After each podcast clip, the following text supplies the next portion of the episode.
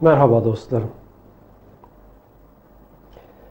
Bundan evvelki son video kaset çalışmamızda, sohbetimizde kaza ve kaderin ne olduğu hakkında bilgi vermeye çalışmıştık.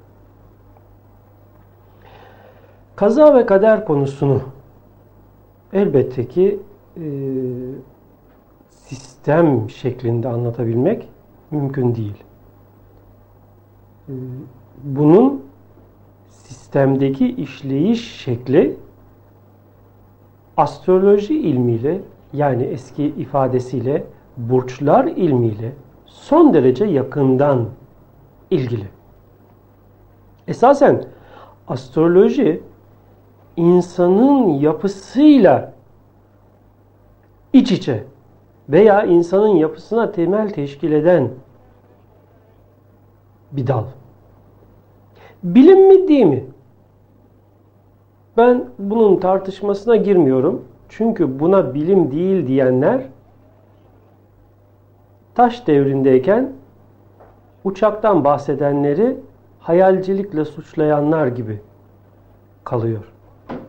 Dolayısıyla e, bunun bilim olduğunu eğer önümüzdeki asır içinde insanlık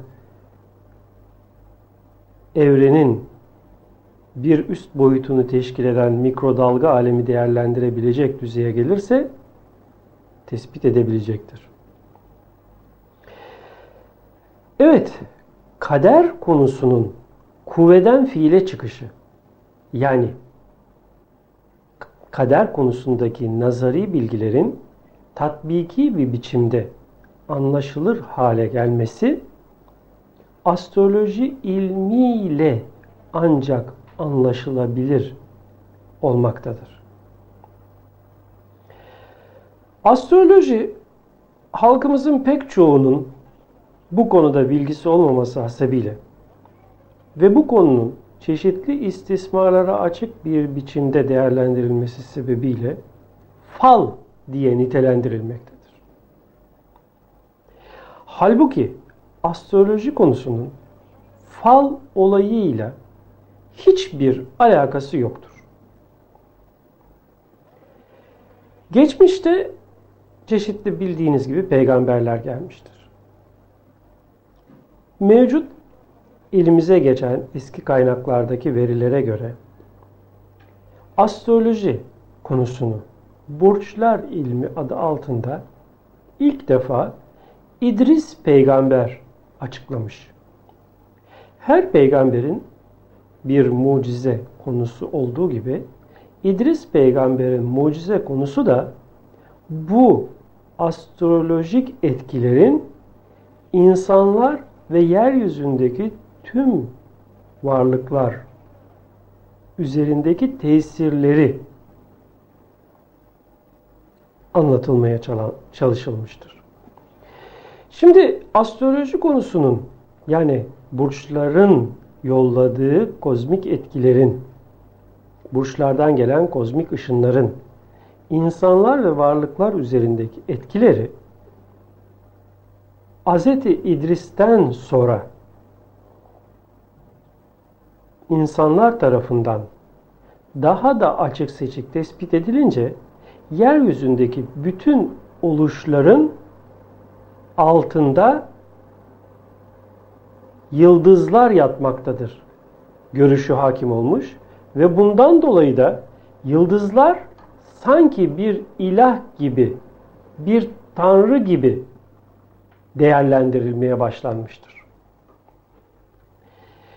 Madem ki yeryüzündeki bir takım olayların oluşmasına sebep bu yıldızlardan gelen tesirler sebeptir. Öyleyse bu yıldızlar yeryüzünü idare eden birer tanrıdır.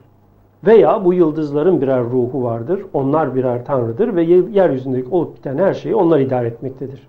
Gibi bir görüş egemen olmuş. Oysa bütün gelen peygamberlerin tek bir ana görevi vardır ki o da Allah ismiyle işaret edilen varlığın dışında herhangi bir tanrının mevcut olmadığını apaçık vurgulamak.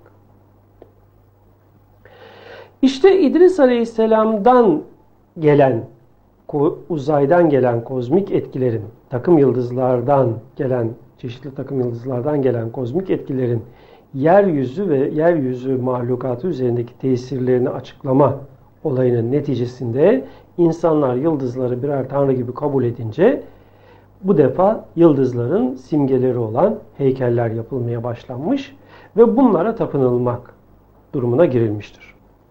Böyle bir aşamadayken İbrahim peygamber İbrahim Aleyhisselam güneşin, ayın ve yıldızların birer tanrı olamayacağını, bütün bu varlığı sadece bu güneş sistemindeki yıldızları değil veya çevredeki çeşitli yıldızları, takım yıldızları değil, bütün bu evreni sonsuzluğuyla bütün evreni meydana getiren ana mutlak varlığın Allah olduğunu açıklamış ve ben yerleri ve gökleri var eden mutlak varlığa hiçbir tanrı kavramı kabul etmek sizin yöneldim. O her şeyi meydana getiren ana güç ve ilim sahibi varlıktır. Anlayışını ortaya koymuştur. İşte e, İbrahim Aleyhisselam'dan sonraki devrede de gelen peygamberler çeşitli tanrıların var olmadığını hep vurgulamış. İnsanlığın tek bir Allah'a yönelmesini temine çalışmışlar. Hz. Resulullah Aleyhisselatü Vesselam Efendimiz'den sonra bu konularda çeşitli çalışmalar, araştırmalar yapmışlar. Ve başta Muhittin Arabi gibi bazı zevat olmak üzere İmam Aziz Nesefi, yakın zamandaki Erzurumlu İbrahim Hakkı Marifetname kitabı yazarı bu burçlar ilmine oldukça büyük önem vermişler ve varlığın varoluşunda bunların büyük rolü olduğunu vurgulamışlar. Bakın Fütuhat-ı Mekkiye isimli kitabında Muhittin Arabi ne diyor? Bu kitabı piyasadan bulabilirsiniz. Türkçe tercümesinden ben size okuyorum. Bu metni rahatlıkla elde edebilmeniz için. Gerçek olarak bütün alemin öncülüğünü bu 12 burçta bulunan 12 melaike yapmaktadır. Böylelikle bu 12 burç alemlerin gerçek olan olarak imamlığını yapmaktadır.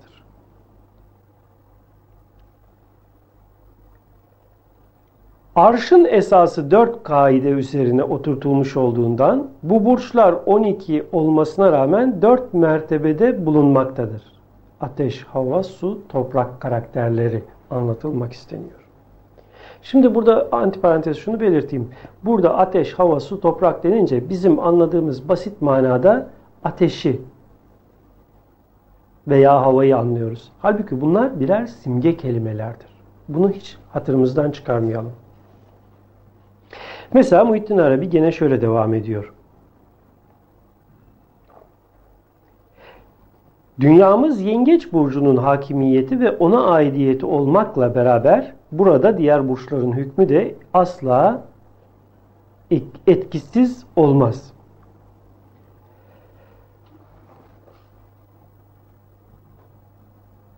Hak Teala 12 burcun mümessili olan her bir melaikeye 30 ilim hazinesi vermiştir. Cennet ve cehennem ehline nezaret hakkı bu 12 burca verilmiştir. Cennetteki hükümler hep bu 12 burçtan çıkmış olur.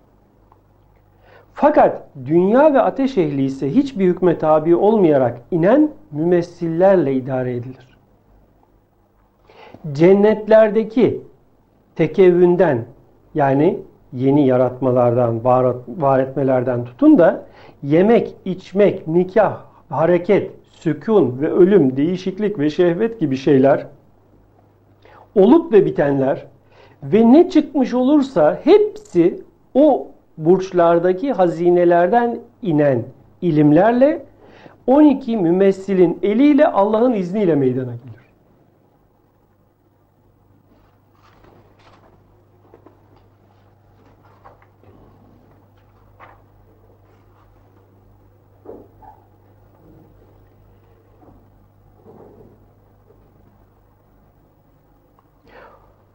Hak Teala burçlarında olan hazinelerden ve etkili bilgilerden bir şey almak için 12 melaikenin elinde bulunan bu yıldızlardan her bir yıldızı Atlas feleği içinde yerleştirmiştir. Yani Güneş sistemimizin dışındaki galaksi içinde.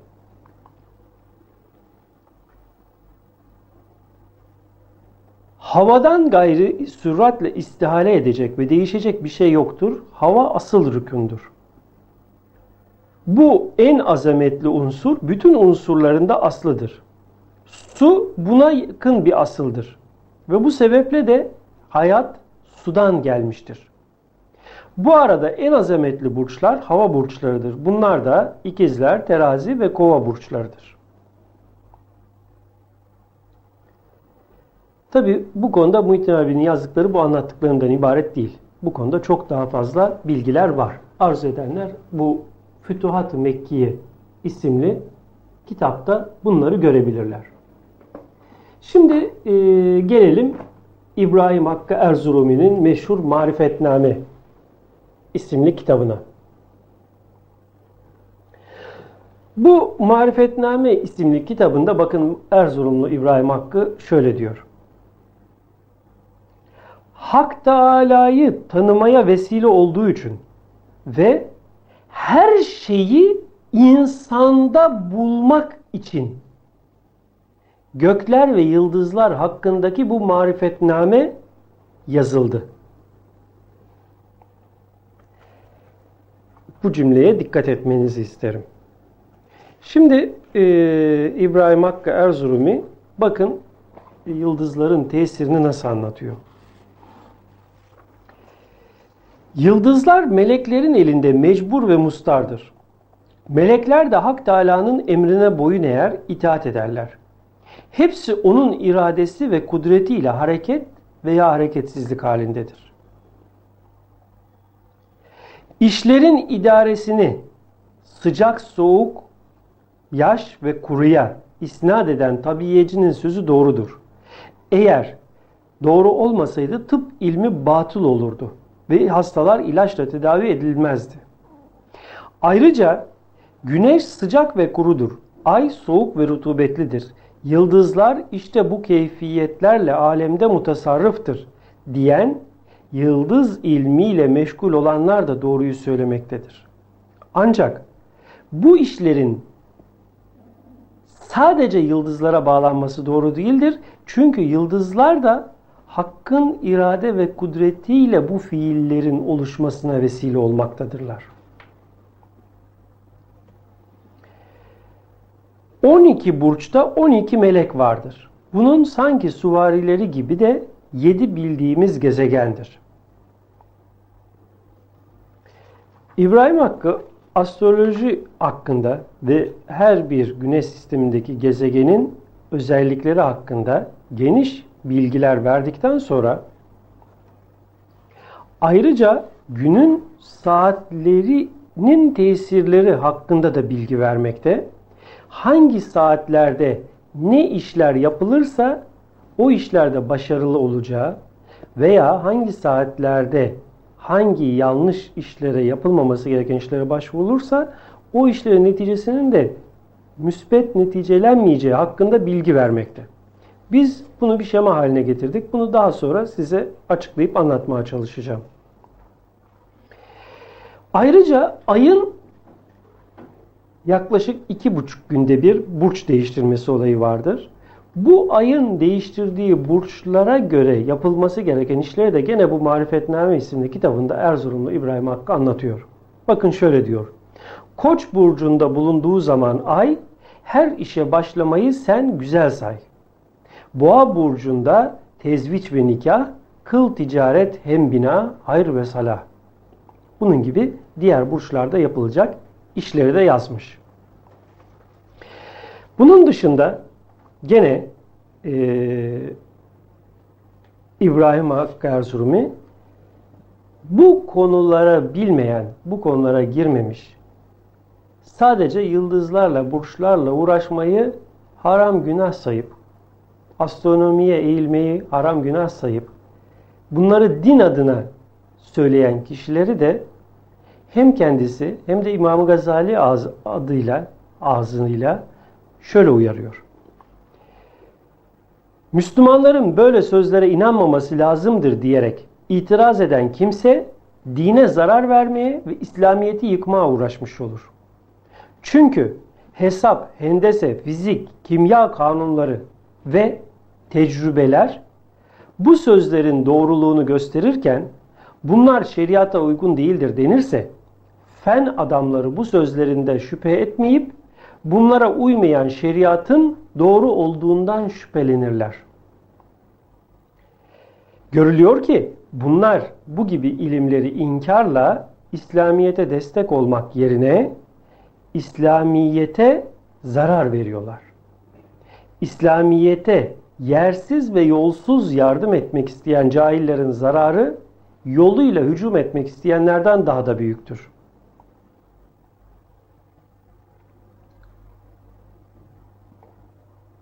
İmam Gazali diyor ki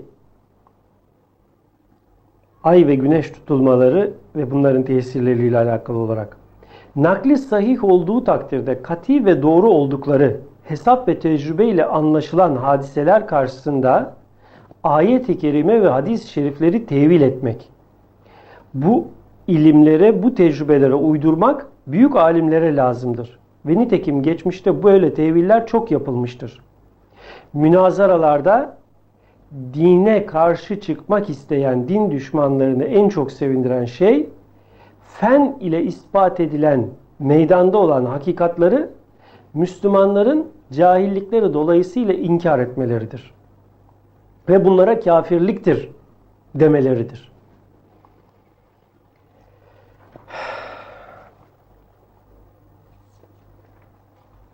Şimdi bu yıldızlar esas itibariyle gerek güneş sistemindeki planetler ve gerekse takım yıldızlar içinde yer alan yıldızlar her biri Cenab-ı Hakk'ın çeşitli isimlerinin manalarıyla vardırlar ve o isimlerin manalarından güç alırlar.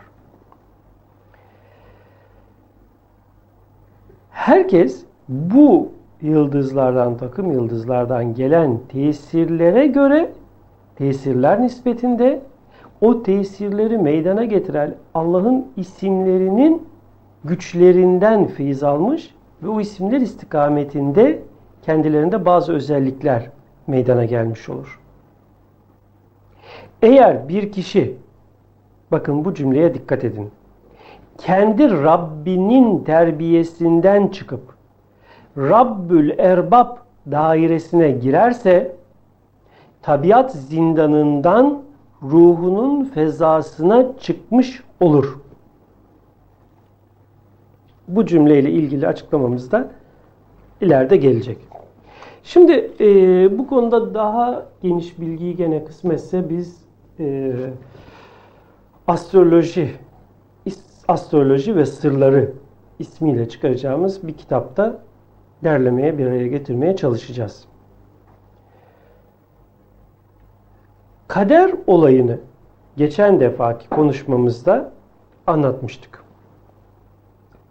Varlığın her bir zerresinde hükmü icra olan tek bir varlık vardır.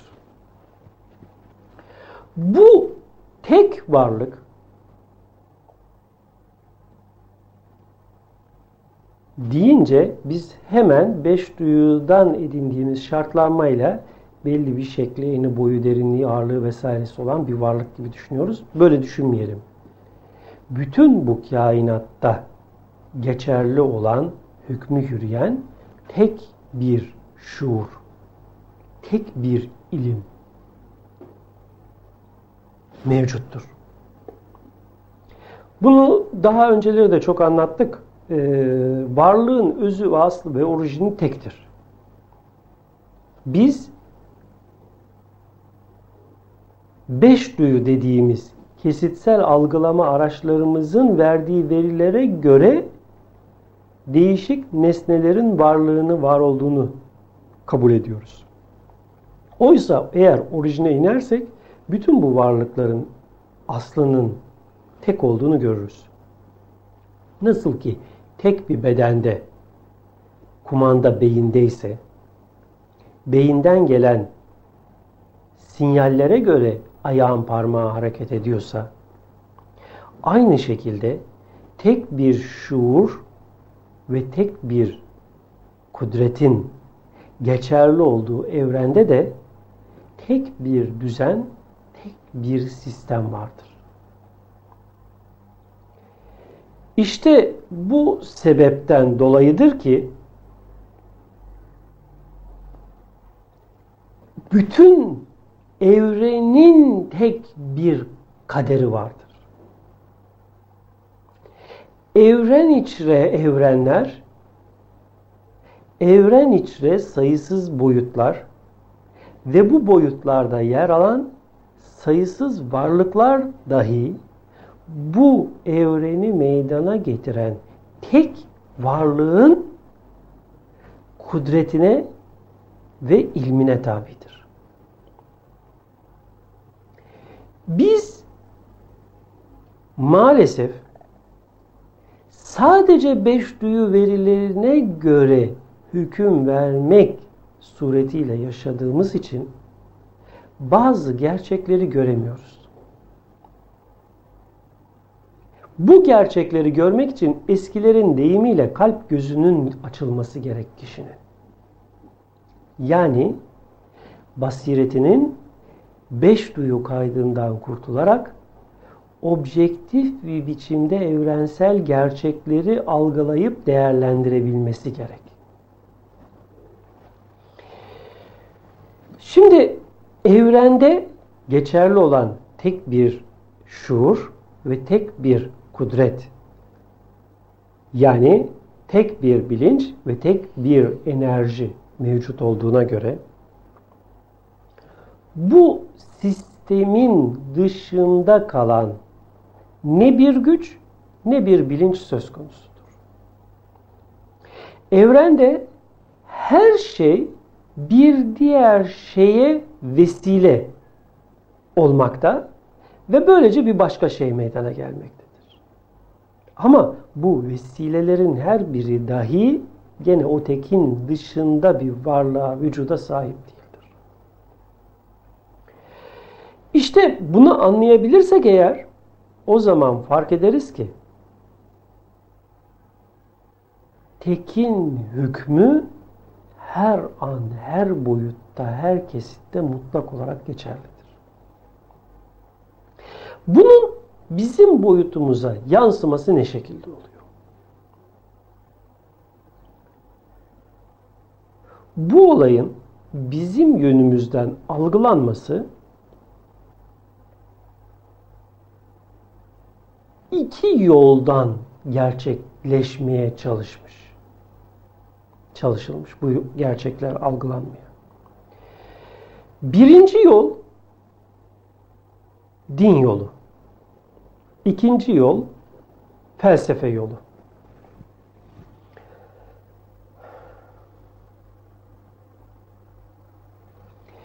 Şimdi din yolundan peygamberler algıladıkları evrensel gerçeği kendilerine vahyolan bir biçimde insanlara iletmiş ve de demişler ki çeşitli varsaydığınız tanrılara tapınarak ömrünüzü tüketmeyin. Evrende var olan tek bir güç vardır. O da Allah'tır. Esasen burası ince bir konu ve çok dikkat edilmesi gereken bir konu. Hz. Musa'nın açıkladığı dinde öyle bir sır vardır ki bu sır Allah kavramına işaret etmektedir. Fakat bu sır yanlış anlaşılmış, yanlış değerlendirilmiş ve bundan günümüze kadar uzanmış olan yanlış bir görüşe, temele dayalı düşünce şekli oluşmuştur. Museviliğin tasavvufu denilen Kabala öğretisine göre evrenin ulu mimarı denilen varlık yani Allah evreni meydana getirmiştir. O tapınılacak bir tanrı değildir. O evreni meydana getiren büyüklüğün, yüceliğin, azametin yanında var olan varlıkların yeri bir hiçtir. Bu sebeple o hiç durumundaki varlıkların bu evrenin ulu mimarına tapınması anlamsızdır. İşte bu anlayışa dayanan Musevi tasavvufundan kaynaklanan görüşün neticesinde bazı gruplar evrenin ulu mimarı tapılacak bir tanrı değildir. Dolayısıyla ona ibadet etmek gereksizdir. Dolayısıyla Musa'dan sonra gelen peygamberlerin getirdikleri dinsel kavramlar ve ibadet şekilleri anlamsızdır. Biz onun meydana getirdiği yüce varlıklar olarak, değerli varlıklar olarak elimizden geldiğince çevremize iyilik eder, olabildiğince kimseye kötülük etmez ve bu dünyadan geçer gideriz. Görüşüne dayalı bir biçimde bir düşünce sistemi, bir topluluk oluşturmuşlar. Şimdi burada fark edilmeyen çok önemli bir husus var. Bu önemli husus da Peygamberimiz Hz. Muhammed Mustafa Aleyhisselatü Vesselam'ın açıklamalarıyla açıklığa kavuşuyor. O da şu. Musevi tasavvufunda değinilen evrenin ulu mimarı diye tarif edilen Allah mutlak varlıktır ve gerçekten tapınılmaktan münezzeh varlıktır. Allah kavramını insanların anlayıp idrak edebilmesi muhaldir. Allah bütün bu sonsuz boyutlara ulaşan bize göre erişilmesi mümkün olmayan sonsuzluğa sahip olan evrenin mutlak var eden gücü olan Allah idrak edilmekten, ihata edilmekten münezzehtir. Ama işte burada çok önemli bir nokta var. Burayı çok iyi fark edelim. Hz. Muhammed'de vahy olan dinin bildirdiği bir gerçek var. O da şu. Siz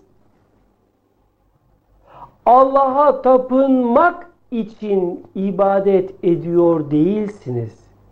Siz kendi geleceğinizi en güzel şekilde bina etmek, inşa etmek için bir takım ibadetleri, bir takım çalışmaları yapmak zorundasınız. Çünkü insanın yaşamı ölüm denen olayla son bulmuyor. Ölüm sadece biyolojik fizik bedenden mikrodalga beden yaşamına sıçramadır diyor. Şimdi ölümün ne olduğu konusunu biz geniş boyutlarıyla e, Hz. Muhammed'in açıkladığı Allah kitabında izah etmeye çalıştık. Gerek ölüm olayının ve ölüm sonrasının safhaları ve gerekse de İslamiyet'te Hz. Muhammed'in açıklamış olduğu Allah kavramının ne olduğunu bu kitabı okuduğunuz takdirde bugüne kadar bildiğinizden belki de çok farklı bir biçimde göreceksiniz. Şimdi böyle bir Allah kavramını açıklayan Hazreti Resulullah Aleyhisselatü Vesselam yapılan bütün ibadetlerin kişinin kendi geleceğini inşa etme gayesine matuf olduğunu da belirtiyor. Nitekim Kur'an'daki ayet de insan için kendi çalışmalarının dışında bir şey söz konusu değildir. İnsan kendinden çıkanların neticesine ulaşacaktır. Fakat burada önemli nokta insanın kendisinden çıkanları meydana getirecek ana tesirlerin neler oldu? Olay burada kaderle bağlanıyor. Şimdi deminki geldiğimiz hususu bir daha özetlemek istiyorum. Musevi tasavvufuna dayalı olarak gelen evrenin ulu mimarı Allah mutlak olarak beşerin ve tüm mevcudatın, tüm varlığın kendisine tapınmasından münezzehtir. Vallahu ganiyül anil alemin ayeti bunu apaçık vurgulamaktadır. Ancak biz Hz. Muhammed Aleyhisselam'ın bildirdiği çalışmaları da yapmak zorundayız. Çünkü bu çalışmaların neticesinde kendi geleceğimizi inşa edeceğiz. Yani İslam dininde belirtilen ibadet adı verilen çalışmalar Allah'a tapınmak ayesiyle değil, kendi geleceğini inşa etmek gayesine yöneliktir. Dolayısıyla belli derecelere kadar 15. 17. dereceye kadar herkesi kendi dininde kabul edip daha sonra ibadetleri ihtiva eden dinlerin geçersiz olduğunu çünkü böyle tapılacak bir tanrı olmadığını sadece evrenin ulu mimarının var olduğunu anlatan görüş bu gerçeği fark edemediği için yanılmaktadır.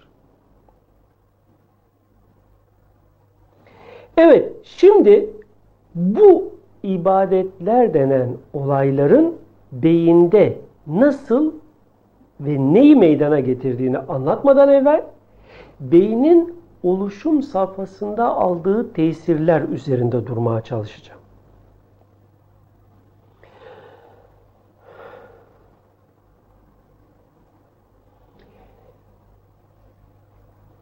İnsan bildiğimiz gibi tek bir hücreden çoğalan, trilyonlarla hücreye varan bir biyolojik yapı.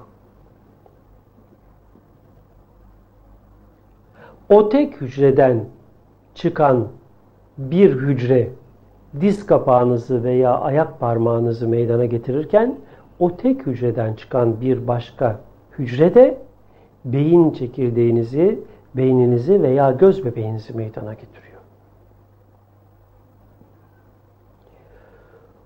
Bu nasıl bir düzen? Nasıl bir sistem? Gerçekten akılları durduran, insanı hayretten hayrete sokan muhteşem bir sistem. Sistem deyince burada hatırımıza şu geliyor. Bugün bazıları dogmatik din anlayışı içinde sistem kelimesini ve kavramını kabul etmiyor. Edemiyor. Çünkü konuya lokalize yaklaşıyor. Bir yerinden yaklaşıyor. Halbuki Kur'an akıllara ve akıllılara gelmiştir. Deliler, aklı yetersiz olanlar, zeka özürlüleri Kur'an'ın muhatabı değildir.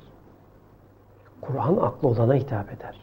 Ve onun için de sık sık hala düşünmüyor musunuz? Hala tefekkür etmiyor musunuz der. Basiretsizliği amalık olarak tarif eder. Basiretsizleri körler olarak nitelendirir.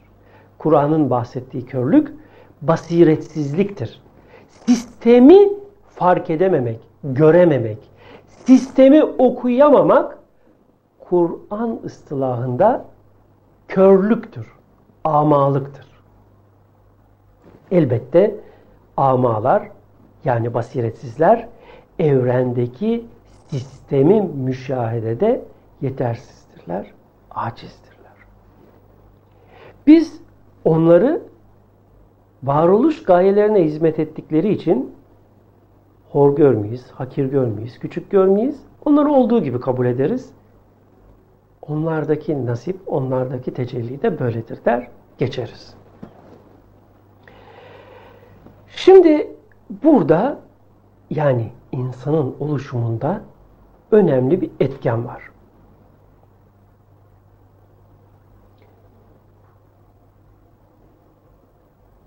İnsan beyninin ana rahminde 120. günde dört tesir aldığı Hazreti Peygamber tarafından sahih hadis kitaplarındaki hadislerde apaçık belirtiliyor. Özellikle İnsan ve Sırları isimli kitabımızda kader konusunun ne olduğunu bu konudaki Hazreti Peygamber'in açıklamalarını en net bir biçimde sizlere nakletmeye çalıştık. Hazreti Peygamber'in kader konusundaki hadislerini bugün Türkiye'de hiçbir kitapta bulamayacağınız şekilde bir arada bu kitapta bulabilirsiniz. Arzu edenler buradaki hadisleri tetkik edebilir. Bugün günümüzde yeni bir akım çıktı. Bu akımın hangi gayeye matuf olduğunu size bırakırım. Ama bu akımın öngördüğü temel fikir şu. Biz Kur'an'ı esas alırız, hadisleri kabul etmeyiz. Hadisleri kabul etmeyen din düşüncesi dini fark etmeden iptal etmeye çalışan bir düşüncedir. Çünkü Kur'an'ı açıklayan ana unsur o Kur'an'ı bize tebliğ eden zatın hadisleridir. Geçmişte büyük hadis incelemeleri yapılmış. 600 bin civarında hadis tespiti yapılmış. Ve bunlar çok sıkı bir elemeye tabi tutularak bunlardan 300 binin sahih olduğu belirtilmiş. Bu 300 binin içinden de iyice bir sıkı eleme yapılmış.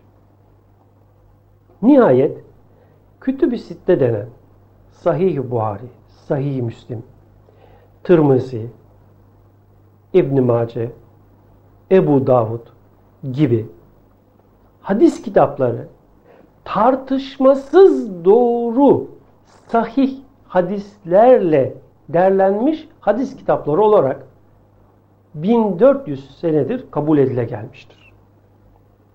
Biz o tarihten yani Hazreti Peygamber'in yaşadığı tarihten 1400 sene sonra yaşıyoruz. Bizim bundan 1000 sene, 800 sene, 600 sene, 1200 sene evveline gidip de bu kaynakları araştırma imkanımız yok artık. Ama biz bu hadis kitaplarındaki hadislerin sahih olduğunun araştırmasını yapmış kişilerin görüşlerini olduğu gibi kabul ederek bunların içinde anlaşılmayanlar varsa onların da anlaşılma yollarını araştırarak bu konuda ilerlemeye çalışırız. Kesin olarak görüşümüzü söyleyelim ki din Kur'an ve hadis bütünüdür. Kur'an'da belirtilen ana hükümlerin birçoğunun tafsili tatbikatı hadislerle verilmiştir. Örneğin bir kadının hangi zamanlarında namaz kılacağı veya kılamayacağı, ne zaman tavaf edip edemeyeceği, Kabe'yi ziyaret edip edemeyeceği, Hz. Peygamber'in kendi yaşantısında Hz. Ayşe'nin ve diğer hanımlarının tatbikatlarından bize ulaştırılmakta, yani hadisler yoluyla bize ulaştırılmaktadır. Eğer biz hadisleri ortadan kaldırırsak, hadisleri kabul etmeyen zihniyeti esas alırsak, O zaman dinde öyle bir kargaşa çıkar, öyle bir kaos çıkar. Din öylesine geçersiz bir hale gelir ki bunu anlatabilmek mümkün değil. Çünkü Kur'an ana yasa gibidir. O yasaların nasıl işleyeceği, nasıl tatbik edileceği Hazreti Peygamber'in tatbikatıyla günümüze ulaşmıştır. Evet, arada gelen çeşitli düşünürler, alimler, arifler kendi yaşadıkları devirlere göre o açıklamaları yorumlamışlardır. Biz o yorumları kabul etmekle mükellef değiliz. Ama Hz. Peygamber'in hadislerini sahih olduğu asırlardır kesinleşmiş olan hadislerini kesin ve tartışmasız olarak kabul etmek mecburiyetindeyiz. Eğer biz İmam-ı Buhari'nin Sahih-i Buhari isimli hadis külliyatının bu kadar senedir araştırmalardan geçerek doğruluğunu tasdik etmiş bir alimler zümresinin neticesinde dünyaya gelmişsek bizim bugün çıkıp da artık bunu tartışabilecek, bu hadislerin doğruluğunu, yanlışlığını tartışabilecek güce sahip değiliz demektir. Bu konuyu böylece belirttikten sonra hadis ve ayete dayalı din anlayışımızı çağdaş bilimler eşliğinde yorumlamaya çalışalım. İnsan Hazreti Peygamber'in belirttiği şekilde ana rahminde 120. günde belli etkiler alıyor. Bir melek gelir diyor ve belli tesirleri beyne verir diyor Hazreti Peygamber. Şimdi melek esasında melk, güç. Bir elektriki güç olarak da nitelendiriyor Elmalı tefsiri yazarı, Elmalı Hamdi yazarın tefsiri. Esas itibariyle bizim madde boyutunun altındaki boyut mikrodalga boyuttur. Mikrodalga boyutun tüm varlıkları mikrodalga canlılardır. Ve bunlar din terminolojisinde melek olarak adlandırılmışlardır. Bu melek adını alan mikrodalga yapılı varlıklar kendi boyutlarının belirli tesirlerini, güçlerini insan beynine yönlendirirler. İnsan beyinlerinde bu tesirleri programlarlar. Nasıl programlarlar? Bunu nasıl anlamak için evvela beynin nasıl programlandığını bilmemiz lazım. Beyin hücreleri esas itibariyle gelen her dalga boyunu değerlendirebilecek kapasiteye sahiptir. Ham iken. Belli bir dalga boyu bir hücreyi belli bir frekansa programlayarak o frekansa programlanmış hücreler grubunda belli bir aktiviteyi meydana getirir. Belli bir aksiyonu ve reaksiyonu meydana getirir. Esasen beş duyu dediğimiz duyular dışarıdan gelen çeşitli dalga boylarını beyne ulaştırarak bu dalga boyun, boylarının ihtiva ettiği manaların beyinde deşifre edilmesini temin ederler. Şimdi aynı şekilde insan beyni doğum süreci içinde yani ana rahmindeki 120. günden başlayarak doğum anına kadar yani ana rahminden dünyaya çıkana kadar olan süreç içinde çeşitli kozmik etkilerin tesiri altında programlanırlar. Bunlardan 120. gündeki tesir dindeki ayağını sabite denilen kişinin ayağını sabitesi. Mutlak manada ayağını sabite değil, kişinin ayağını sabitesini meydana getirirken Doğum sürecine, doğum anına kadar olan tesirler o kişinin özellikle doğumdan önceki ay içinde almış olduğu tesirler onun esas burcunun özelliklerini ihtiva eder. Doğum anında ana rahminden dünyaya çıktığı anda dünyanın bulunduğu yerin ufkunda yükselen burç da o kişinin yükselen burcunu meydana getirir. Şimdi biz e, bu konuya şöyle bakıyoruz.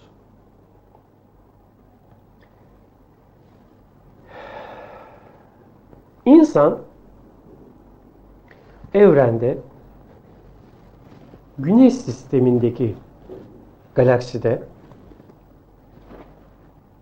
Güneş'in çevresinde bir yerde yer alıyor.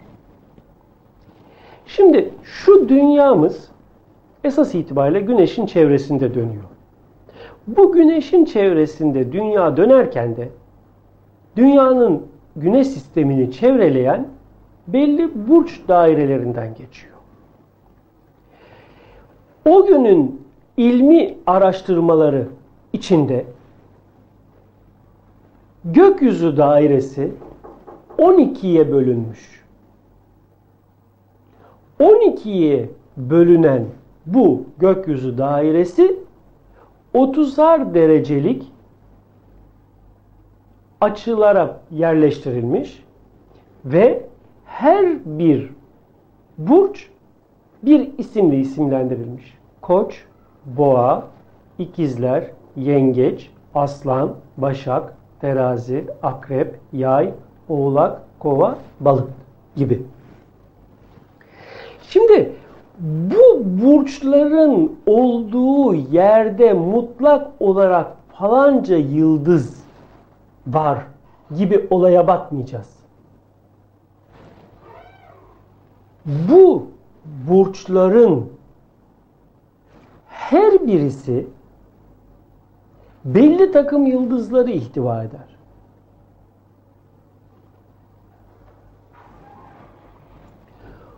Bu gökyüzü dairesinden gelen çeşitli tesirler bu gökyüzü dairesinden gelen çeşitli tesirler dünya üzerini etkilerler.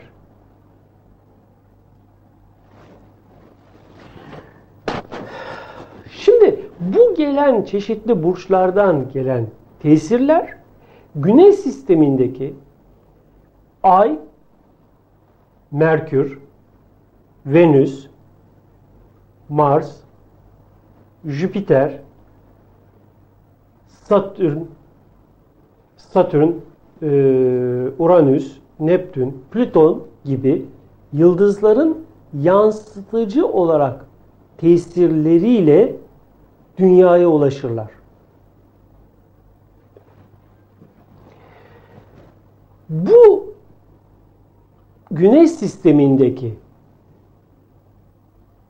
gezegenler her birisi belli bir burcun karakteristiği de dünya üzerine yansıtacak bir biçimde oluşmuştur.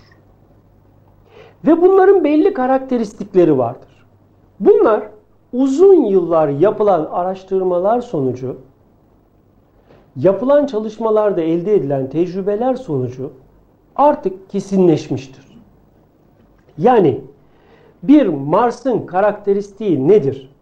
Bir Mars'ın yolladığı tesirler insanda ne gibi şeyler meydana getirir? Veyahut da bir Satürn'ün etkisi nedir? Veya bir ayın etkisi nedir? Veya bir güneşin, Venüs'ün, Merkür'ün etkileri nedir? Bunlar tecrübelerle artık kesinleşmiştir.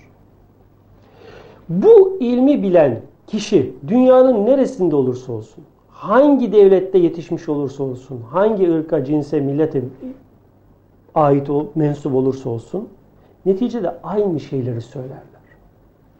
Yalnız bunların birbirleriyle olan açıları ve birbirlerine olan tesirleri söz konusudur.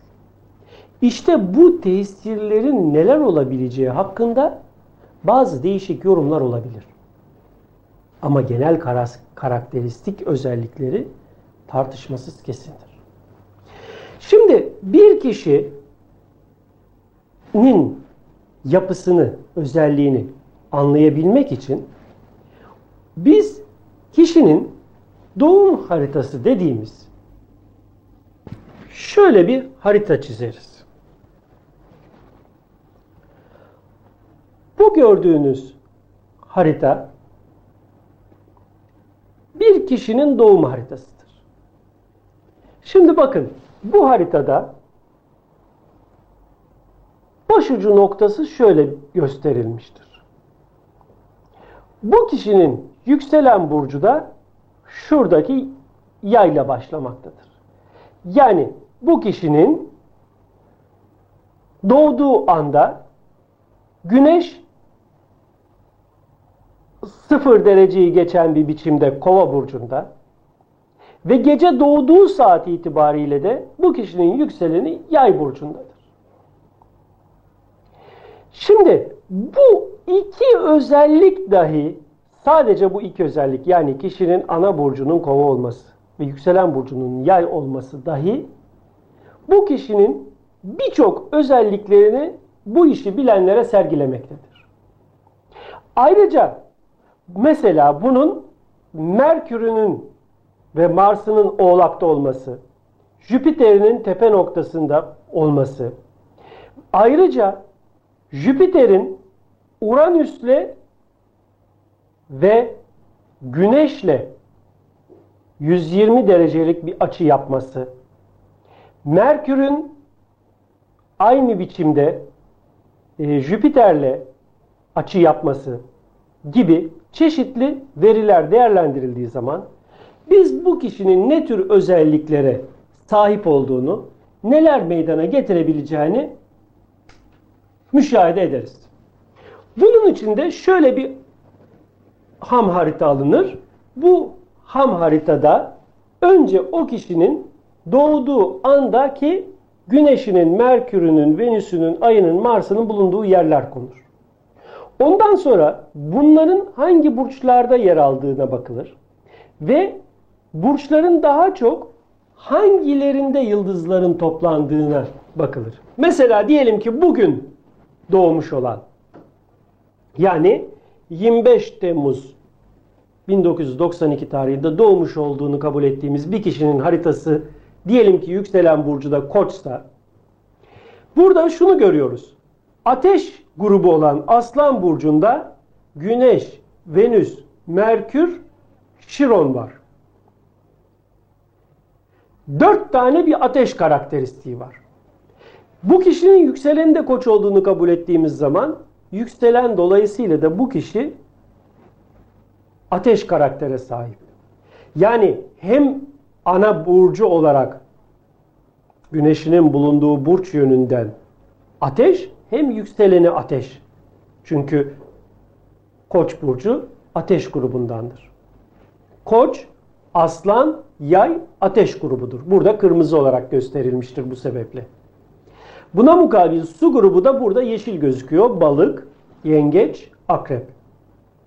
Toprak grubu siyah olarak gördüğümüz oğlak, boğa ve başak. Hava grubu da kova, ikizler ve terazi.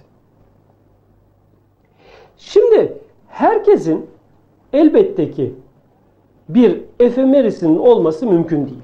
Halbuki astroloji ilmini değerlendirmek için mutlak olarak şu efemeris dediğimiz kitaba ihtiyaç vardır. Bu efemeris adı verilen kitapta belirlenen herhangi bir tarihte mesela bu 1900 senesinden 2000 senesine kadar olan hareketleri gösterir. Diyelim ki 1936 senesinde falanca tarihte Ocak ayının 25'inde doğmuş olan bir kişinin beyni hangi tesirleri almış? Biz burada 1936 senesinin Ocak ayının 25'ini açarız ve o kişinin doğduğu gün hangi tesirleri almış olduğuna bakarız. Bu tesirler onun beyninin ana programlanış tesirleridir. Tabi sadece dediğim gibi bu yıldızların nerelerde yer aldığı değil, ayrıca bunların aralarındaki açılardan doğan tesirler de söz konusudur. Mesela e, diyelim ki o kişinin Satürn ile Mars arasında 90 derecelik bir açı var. Bu kişi sadece Satürn'ün etkisinden değil, yani şu günümüzde transit dediğimiz şu anki tesirler içinde herhangi bir tesir bu Satürn'ü etkiliyorsa aynı anda Satürn'le birlikte 90 derecede de Mars yer aldığı için Satürn-Mars ikilisini etkileyecek demektir bu transit. Eğer böyle bir olaya devreye giren bir üçüncü yıldız da diyelim ki Plüton'sa, Plüton da böyle bir açıdaysa, Plüton, Satürn veya Mars'ı etkileyen herhangi bir tesir aynı anda üçlü üçlü hareketi devreye sokuyor ve üçlü bir tesir o kişinin üzerinde icra oluyor. Bunu unutmamak lazım. Şimdi bu kozmik etkiler beynin nasıl etkiler? Bir an için buraya dönelim tekrar. Nasıl oluyor da gelen kozmik etkiler bir et parçası olan beyni etkiliyor? Veya yükselen burç ana rahmindeki çocuğu etkilemiyor da rahimden çıkınca etkiliyor. Niçin? Bu konuda son derece e, yetersiz ve düşünce yapısı kısıtlı olan birisi bir sual sormuştu geçenlerde. Efendim dedi biz bir et parçasına da alıp saralım 5 kilo et alalım kasaptan o et parçasını alıp saralım çocuğu gene o tesirler etkilemesin dedi. Böyle bir sual soran kişiye ne demek lazım bilemiyorum. Bu kadar basiretsizlik nasıl olabilir? Oluyor.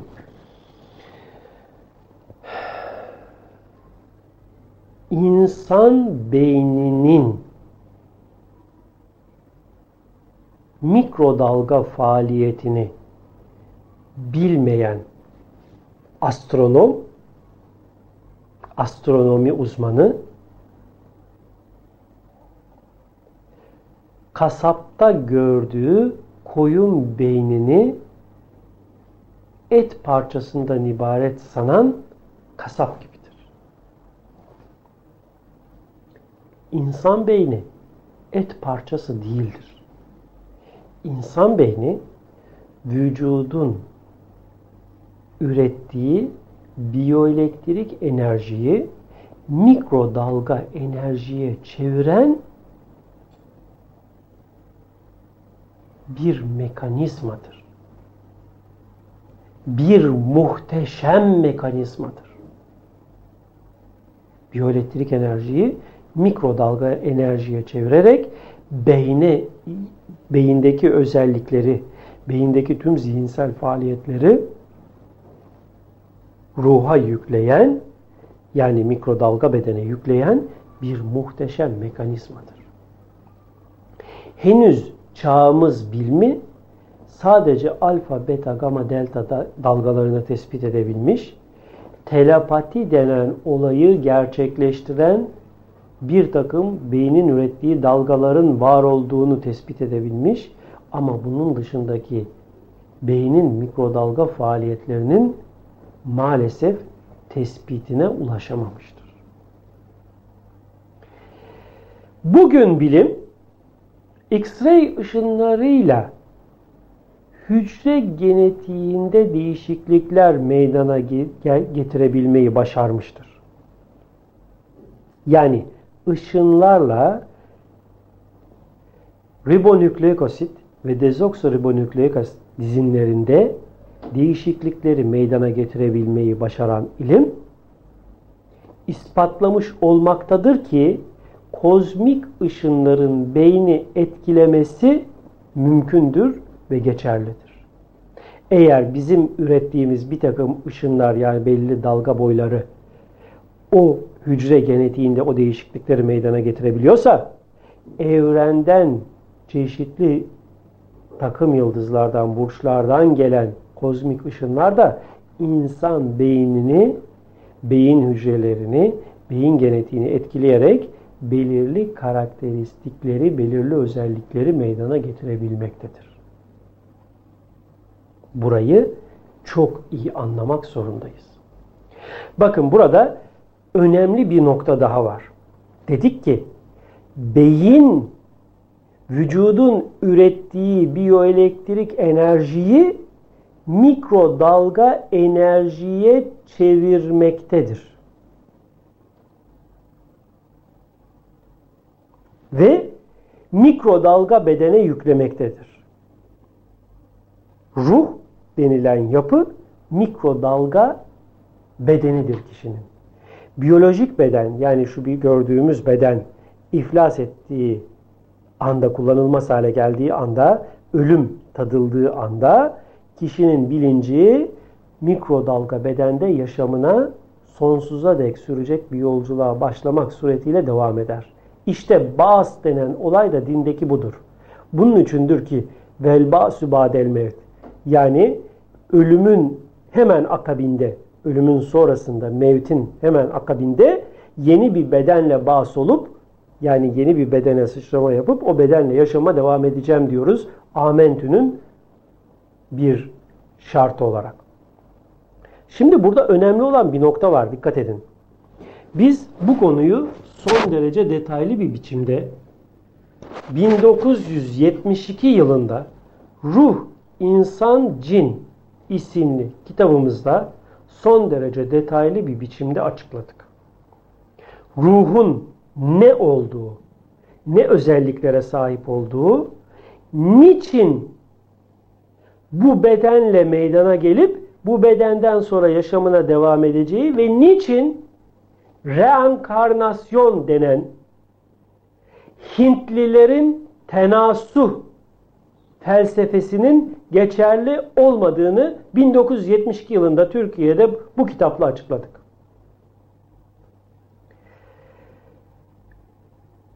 Şu anda 8. baskısı piyasada olan bu kitapta reenkarnasyonun niçin mümkün olmadığını apaçık bir biçimde arzu ederseniz okuyabilirsiniz. Burada özetle olaya değineyim. Eski Hint felsefesinde tenasuh denilen bir görüş vardı. Bu tenasuh denilen görüşe göre Tanrı bu insanları yaratıyor. Fakat bu insanların kimi fakir, kimi zengin, kimi sağlam, kimi sakat. Kimi zayıf, kimi güçlü, kimi sultan, kimi köle. Bir adaletsizlik var. Tanrı da adaletsiz olmaz ya. Adalet yapması lazım. E işte bu adaletinin gereği bu defa fakir, zayıf, güçsüz yarattığını gönderiyor. Veya kadın yarattığını bir daha sefere erkek olarak geri gönderiyor. Yani bu bedeni alıyor, kullanıyor o ruh. Ondan sonra o ölüyor. Ondan sonra gidiyor bir süre istirahat ediyor, dinleniyor. Bazen de bu dünyada kötülük yapmışsa ceza olarak geliyor bir hayvan bedenine giriyor. Bu sefer hayvan olarak çile dolduruyor. Eşek, köpek, kedi oluyor. Sonra tekrar ölüyor, tekrar gidiyor. Bu sefer hadi yeni bir şans tanınıyor, tekrar dünyaya geliyor. Böyle bir görüş. Bu tenasuh denen görüş. Bu tenasuh denen görüşün ne olduğunu ve İslamiyetle bağdaşmayacağını, asla ve kesinlikle bağdaşmayacağını bilemeyen bazı kişiler çağımızdaki ismiyle reenkarnasyon mümkündür diye günümüzde yeniden lanse etmeye kalktılar. Bu kesinlikle yanlış ve batıl olan bir görüştür. Niçin? Bunun sebebini şöyle izah edeyim. Ana yapısı itibariyle. İnsanların ruhları insanlar dünyada var olmadan evvel toplu bir biçimde hepsi bir anda bir zamanda bir yerde bir boyutta yaratılmış. Orada bekliyorlar ve bunların arasından seçilen ruhlar burada meydana gelen ana rahimlerinde meydana gelen bedenlere peyderpey yollanıyorlar gibi bir olay yok. İnsanın ruhu dediğimiz o mikrodalga beden ana rahminde 120. günde meydana getiriliyor beyin tarafından. Beyin o gelen tesirle hadiste meleğin ilka ettiği, nefettiği diye anlatılan olay beynin o günkü ulaştığı seviyede mikrodalga üretmeye başlamasıdır. Beynin ürettiği o mikrodalga beden beynin biyolet, bedenin biyoelektrik enerjisi dolayısıyla bedende muhafaza ediliyor ve bedenle birlikte o ruh beden de gelişiyor. Ve beyindeki tüm faaliyetler de olduğu gibi beynin ürettiği dalgalardan meydana geldiği için bu ruh adı verilen mikrodalga beden bu bedene yüklenmiş oluyor. O gün herkes kendi kitabını okuyacaktır denilen o kitap kişinin kendi ruhudur. Kendi ruhuna beyin tarafından yazılıyor hiçbir şey eksiksiz olarak. İşte her beyin kendi ruhunu ürettiği yani kendi mikrodalga bedenini ürettiği içindir ki bir bedene dışarıdan başka bir ruhun gelip girmesi söz konusu değildir. Bizim bahsettiğimiz bu görüşün bizden evvel söyleyenleri de olmuştur. Bir İmam-ı Gazali, bir Gavs-ı Azam olarak bilinen Abdülkadir Geylani, ruhun insan bedeninde, insan beyniyle birlikte var olduğunu çeşitli eserlerinde anlatmışlardır. Biz bu bilgileri Ruh İnsan Cin kitabında, İnsan ve Sırları kitabında açıkladık. Detaylarını isteyenler orada okuyabilirler. Yani İnsan ruhu dışarıdan gelip geçici bir süre bu bedene girip bu bedeni kullanan sonra bu beden kullanılmaz hale gelince bu bedenden ayrılıp dışarıda gidip bekleyen sonra tekrar bir hayvan veya insan bedenine giren bir nesne değildir. İslamiyet böyle bir görüşü kesinlikle reddeder. Bu İslamiyet'i kabul etmek istemeyen spiritualizma denen ruhçuların, ruh çağıranların, ruhlarla görüştüklerini sananların büyük bir yanılgısıdır asla ve kesinlikle ruhun bu bedenden ayrıldıktan sonra tekrar bu bedene gelip girmesi ve dünyada ikinci bir yaşama dönmesi mümkün değildir. Çünkü Kur'an-ı Kerim'de de onlar ölümü tattıktan sonra tekrar keşke dünyaya geri dönsek de yapmadıklarımızı yapsak derler fakat bu asla mümkün değildir. Ayeti bu olayı teyit etmektedir. Ayrıca bu konuda bir hadis-i şerifte şehit olmuş olan bir kişinin dünyaya geri dönme şansının dahi var olmadığı anlatılmaktadır ki bu hadiste gene kitabımızda mevcuttur. Evet, insan beyninin ürettiği ölüm etesi bedeni yani mikrodalga bedeni, hologramik mikrodalga bedeni yani ruhunun sonsuza dek yaşamına devam edeceğini bu arada böylece belirttikten sonra tekrar beynin aldığı tesirler üzerinde duralım. Şimdi insan beynine belli tesirler geliyor. Bu tesirler diyelim ki bir kova burcunun veya bir yay burcunun veya bir aslan burcunun veya bir oğlak burcunun her neyse. Bu kişinin ana düşünce yapısını yaşama bakış açısını meydana getiriyor. Doğduğu anda meydana gelen yükselen burçsa o kişinin kabiliyetini ve dış görünümünü şekillendiriyor. Dikkat ederseniz hepimizin bildiği gibi 30 yaşındaki bir insanın bedeninin şekli, kafasının şekli, eli, boyu, kolu, vücudunun şekliyle 7 yaşındakinin benzerliği yok gibidir. Çok farklıdır. Çok büyük değişkenlik meydana getirir. İşte ana yapının zaman içinde değişmesinin sebebi bu yükselen burçta gelen tesirlerdir. Kişi genelde 30-35 yaşına kadar ana burcunun istikametindeki özelliklerle yaşarken bu yaşlardan sonra kişi yükselen burcunun kişiliğine dönüşmektedir. Mesela diyelim ki o kişi bir yengeç burcunun özelliğine sahip olarak dünyaya gelmiş. Yengeç. Fakat yükselen burcu bunun aslan. O kişi 30-35 yaşından sonra aslan burcunun özellikleriyle yaşar hale gelecektir. 1. 2. Kişinin iç burcu onun istidadını verir. Kişinin yükselen burcu ise onun kabiliyetini verir.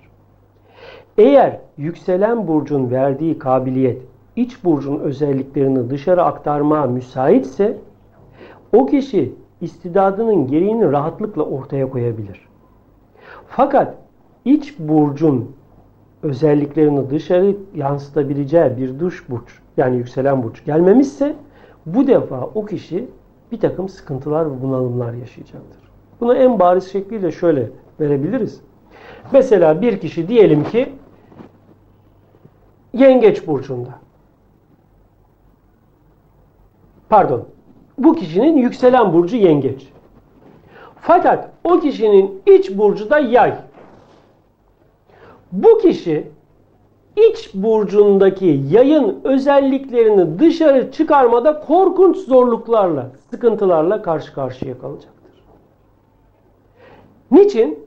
Çünkü yükselen yengeç burcu bu kişinin kafasında düşündüğü, tasavvur ettiği, hayal ettiği şeyleri dışarıya çıkarmaya müsait değildir. Bu defa bu kişi önemli bunalımlar yaşayacaktır. Çok şeyler yapmak isteyecek fakat bu yapmak istediklerinin büyük bir kısmını gerçekleştiremeyecektir. Veya diyelim ki iç burcu yengeç, dış burcu aslan. Bu defa bu kişi son derece hesaplı ve sınırlı adımlar atmak isteyen, taşkınlıktan kaçmak isteyen, kendi huzurlu dünyasında yaşamak isteyen bir düşünceye sahip olmasına karşın hiç hesap etmediği bir biçimde zaman zaman yersiz, aşırı, kontrolsüz çıkışlar, davranışlar yapacak, sözler verecek. Ve daha sonra da bunlardan dolayı büyük üzüntülere ve sıkıntılara duçar olacaktır. Kişinin iç ve dış burcunun olabildiğince aynı karakterde olması veya yakın karakterde olması yani su ve toprak veya ateşle hava gibi o kişiye oldukça daha dengeli bir yaşam getirmesine karşın su ve ateş gibi birbirine zıt karakterli burçların o kişinin yapısında yer alması veya su ve ateşte toplanan planetlerin getirdiği ateş ve su gücü o kişiyi sıkıntılı, bunalımlı veya neticesi pişmanlıkla sonuçlanan bir hayatı getirecek.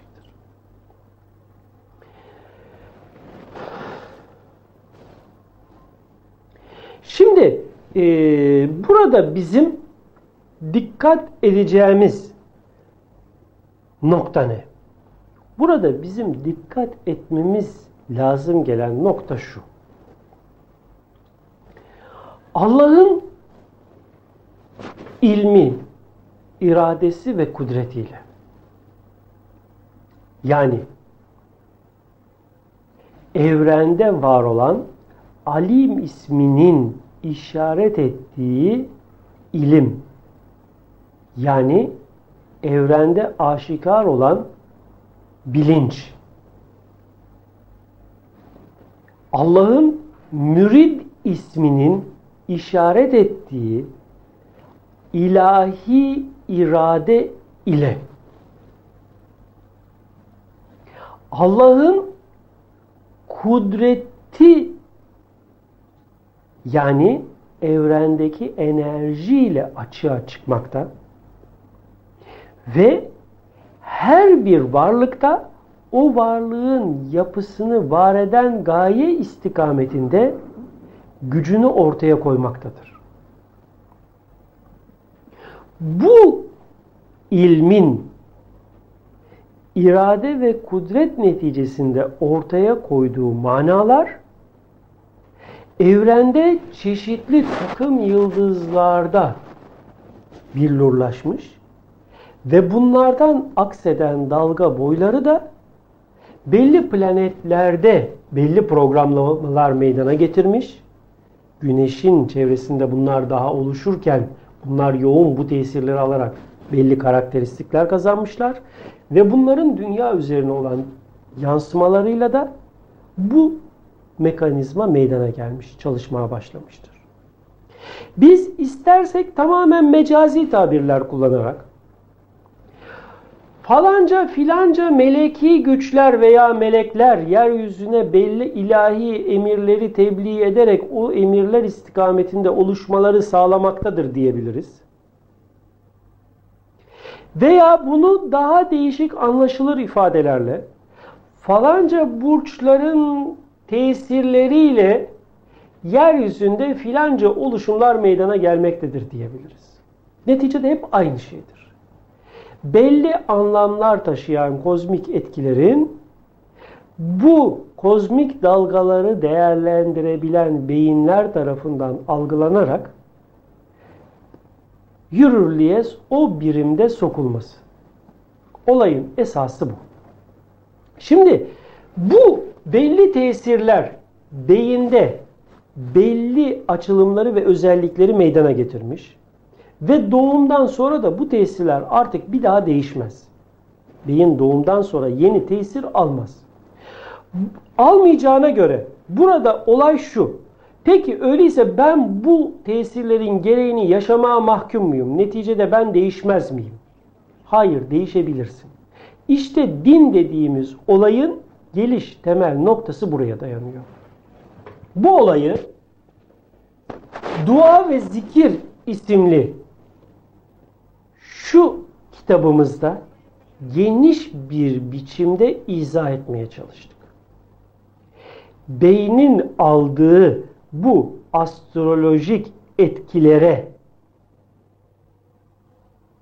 karşın beynin kendi içinde yapılacak belli çalışmalarla insanın beyninde yeni açılımlar meydana getirebilmesi mümkündür. Bu Dua ve Zikir isimli kitapta bunun tafsilatı mevcut. Şimdi bir beyin belli kozmik etkileri alarak belli manalarla programlandı dediğimiz zaman esasında bu burçlardan gelen yıldızlar ve güneş sistemindeki planetler Allah'ın belli isimlerinin manalarının ortaya çıkmasıyla oluşuyor. Mesela misal vermek gerekirse Güneş Selam, Halik, Rahman, Muiz, Hakim, Mukit, Celil, Muktedir, Reşit, Hadi gibi bazı isimlerin tesirlerini dünyaya göndermekte. Hay ismi de bunlardan bir tanesi. Veya bir Jüpiter Hu, Müheymin, Kuddus, Alim, Mütekebbir, Aziz, Gaffar gibi, Muiz gibi isimlerin manalarını bizim beynimize yansıtmaktadır. Şimdi bizim beynimiz bu isimlerin manalarını ihtiva eden dalga boylarıyla programlanmıştır. Biz zikir yaptığımız zaman yalnız buradaki zikirle özel zikirleri kastediyorum. Yani Allah'ın belli isimlerine dayanan zikirleri kastediyorum. O isimlerin manasını taşıyan dalga boylarını beynimizde üretmiş oluruz. O kelimenin tekrarı esas itibariyle beyinde o frekansın tekrarı demektir. Beyindeki o frekansın tekrarı üretilmesiyle birlikte bildiğimiz gibi beynin yüzde 5 yüzde 12'lik bir kapasitesi normalde açılıyor. Fakat beyinde bu kelime tekrarlarıyla üretilen belli dalga boyları, belli titreşime sahip dalga boyları atıl duran o hücreleri de programlayarak onları devreye almakta. Yani beynin kapasitesi genişlemekte. Hangi istikamette? O çekilen isim istikametinde. O çekilen isim istikametinde beynin kapasitesi artınca o kişi eskiden yapamadığı, başaramadığı birçok şeyleri de başarır, yapar hale gelmekte. Mesela bir kişi düşünelim. Bu kişi çok içki içiyor, çok sigara içiyor, bir takım iyi olmayan hallere duçar. Bu kişi mürid ismini, Allah'ın irade sıfatının ismi olan mürid ismini ve yanı sıra da Kuddus ismini sayısız diyelim. Yani belli sayı dahi vermeyelim. Bir süre çeksin.